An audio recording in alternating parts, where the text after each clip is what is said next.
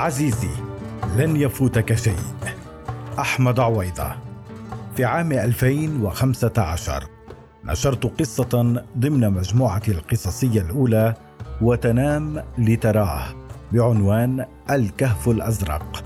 تتحدث عن الانغماس في فضاء فيسبوك والتخلي عن الحياة العامرة بالناس والأشياء والوقوع تحت سطوة الصفر والواحد. رأيت وقتها أن من يتيه في هذا الفضاء الإلكتروني سيسمى وحيدا وأن من يغادره هو من سيشعر بالحياة الحقيقية وسيجد الرفقة التي تريح روحه وقلبه. رفقة حقيقية من لحم ودم ومشاعر. رفقة تحمل نبرة صوت ولمعة عين. والأهم من كل ذلك رفقة لها رائحة الحياة الحقيقية ما ليس له رائحة ليس حقيقيا. مع تطور التكنولوجيا ووصولنا إلى القدرة على التحدث معا عن طريق المكالمات الفيديو بسهولة وبتكلفة قليلة ولمدات طويلة ظننا أننا هكذا طوعنا الحياة لتكتب بلغة الصفر والواحد. فترى الكثيرين لا يرغبون في اللقاء ويكتفون بالدردشة الكتابية أو الصوتية. أما من يبحث منهم عن الحياة الحقيقية فلا يقبل إلا بمكالمة الفيديو ومع الوقت اقتنعنا بأن هذه هي الحياة. ونسينا أن أهم ما يميز الشيء هو رائحته فما ليس له رائحة غير مرئي بل غير موجود.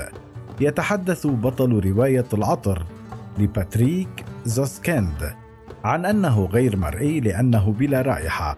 لا يلحظه أحد ولا يلتفت إليه إنسان أو حيوان ويسعى طوال الرواية إلى خلق رائحة مميزة له. ولن أحكي ما حدث حتى لا أحرق أحداث الرواية لمن لم يقرأها بعد. الشاهد هنا هو أننا فقدنا أهم ما يميزنا عندما افتتنا بالسوشيال ميديا وهو فقد لن تقدر أي تكنولوجيا في العالم على تعويضه حمدا لله حتى يظل الفارق بين الحقيقي والافتراضي قائما إلى الأبد. وما كان مثيرا للدهشه بالنسبة لي عندما قررت هجر السوشيال ميديا لبعض الوقت قبل عامين وطال الهجران لستة أشهر. هو اكتشافي أنني خارج العالم الافتراضي وحدي لكني وسط الحقيقة أو ما أظن أنها الحقيقة. في البداية كان الأمر مربكا ومزعجا وكنت أفكر في العودة كل ساعة لكني بعد وقت ليس طويلا بدأت بالعودة إلى إعدادات ضبط المصنع وشرعت حواسي في ممارسة وظائفها الطبيعية مرة أخرى.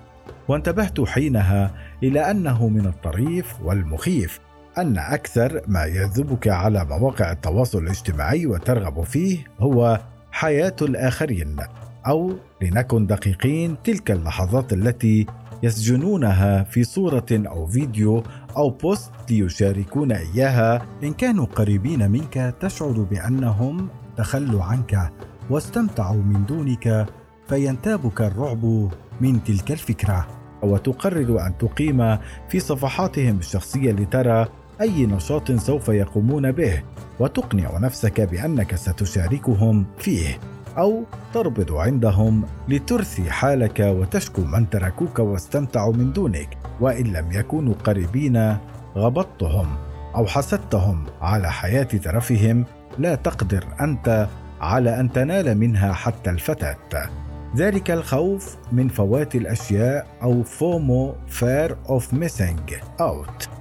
هو أحدث آفات مواقع التواصل الاجتماعي وربما هو أشرسها حتى الآن لكن للدقة فهو ليس وليد مواقع التواصل الاجتماعي.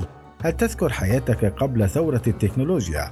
هل تذكر يوما كنت فيه خارج المنزل لأي سبب وقرر إخوتك أن يشتروا آيس كريم أو سندويشات برجر وأكلوها معا ولم يحضروا لك معهم أو في أحسن الأحوال أحضروا لك لكنهم لم ينتظروك لتشاركهم الأنس ربما كنت أنت وقتها خارج المنزل مع أصدقائك تستمتع أيضا لكن هل تذكر شعورك عندما عدت إلى المنزل واكتشفت ما فعلوه؟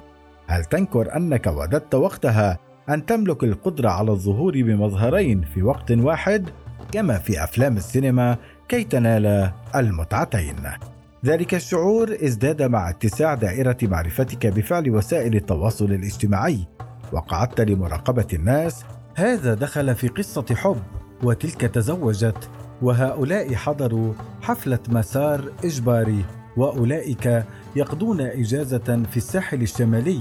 وأنت ترقد على أريكتك لا تفعل شيئا سوى المشاهدة والندب أو اللوم على أنهم قاموا بما قاموا به من دون أن يطلبوا مشاركتك ويسعوا إليها.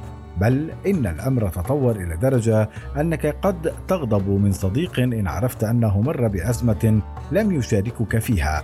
وتظن أنه بهذه الطريقة يعترف ضمنيا بأنك لست صديقه. من دون أن تأخذ في الحسبان أن مشاركة الأزمات لها اعتبارات أخرى كثيرة كاختيار الأنسب للمشاركة والأقدر على المساعدة وليس الأكثر محبة. ستغضب إن دلفت إلى مكان عملك صباحا ووجدت زملائك يتحدثون عن آخر تطورات عملية بوتين العسكرية على أوكرانيا أو حرائق الغابات في إسبانيا وأنت لا تعرف هذه التطورات. سيشعرك هذا بالنقص وتخاف من أن يتكرر. لن تتذكر وقتها أن في سماع الأخبار من الآخرين لذة وأن الإلمام بكل شيء مستحيل. في دراسة أجرتها الباحثة الإيطالية الدكتورة فيورا فانتي عن الخوف من فوات الأشياء وعلاقتها بإدمان مواقع التواصل الاجتماعي خلصت إلى أن من يدمن مواقع التواصل الاجتماعي أكثر يعاني خوفا أكبر من فوات الأشياء. ونوع الأشخاص وسنهم ليس لهما أي تأثير على مستوى الخوف. كما بحثت فيورا فانتي أيضا عن العلاقات بين الاختلافات الشخصية والفومو فوجدت أن من لديهم خوف أكبر يزيد عندهم الاكتئاب والقلق والمرض العصبي. وأيضا وجدوا أن هؤلاء الأشخاص يعانون خوفا جديدا من التقييم السلبي على عكس من لديهم مستويات خوف أقل. لن تلم بكل شيء يا عزيزي. لا أحد يقدر على الظهور بمظهرين إلا في الأفلام والمسلسلات وفي الوقت نفسه لن يفوتك شيء. أنت مهيأ بطاقة استيعاب معينة يجب أن تستغلها ولا تحاول أن تملأها غثاء ولا فائدة منه. فكر معي للحظات، ما فائدة أن تعرف أن حريقا كبيرا شب في الصين مثلا أو أن عقارا ما إنهار في ترانسلفانيا؟ لماذا تظن أنك يجب أن تكون أول من يعرف سبب انفصال براد بيت عن أنجلينا جولي؟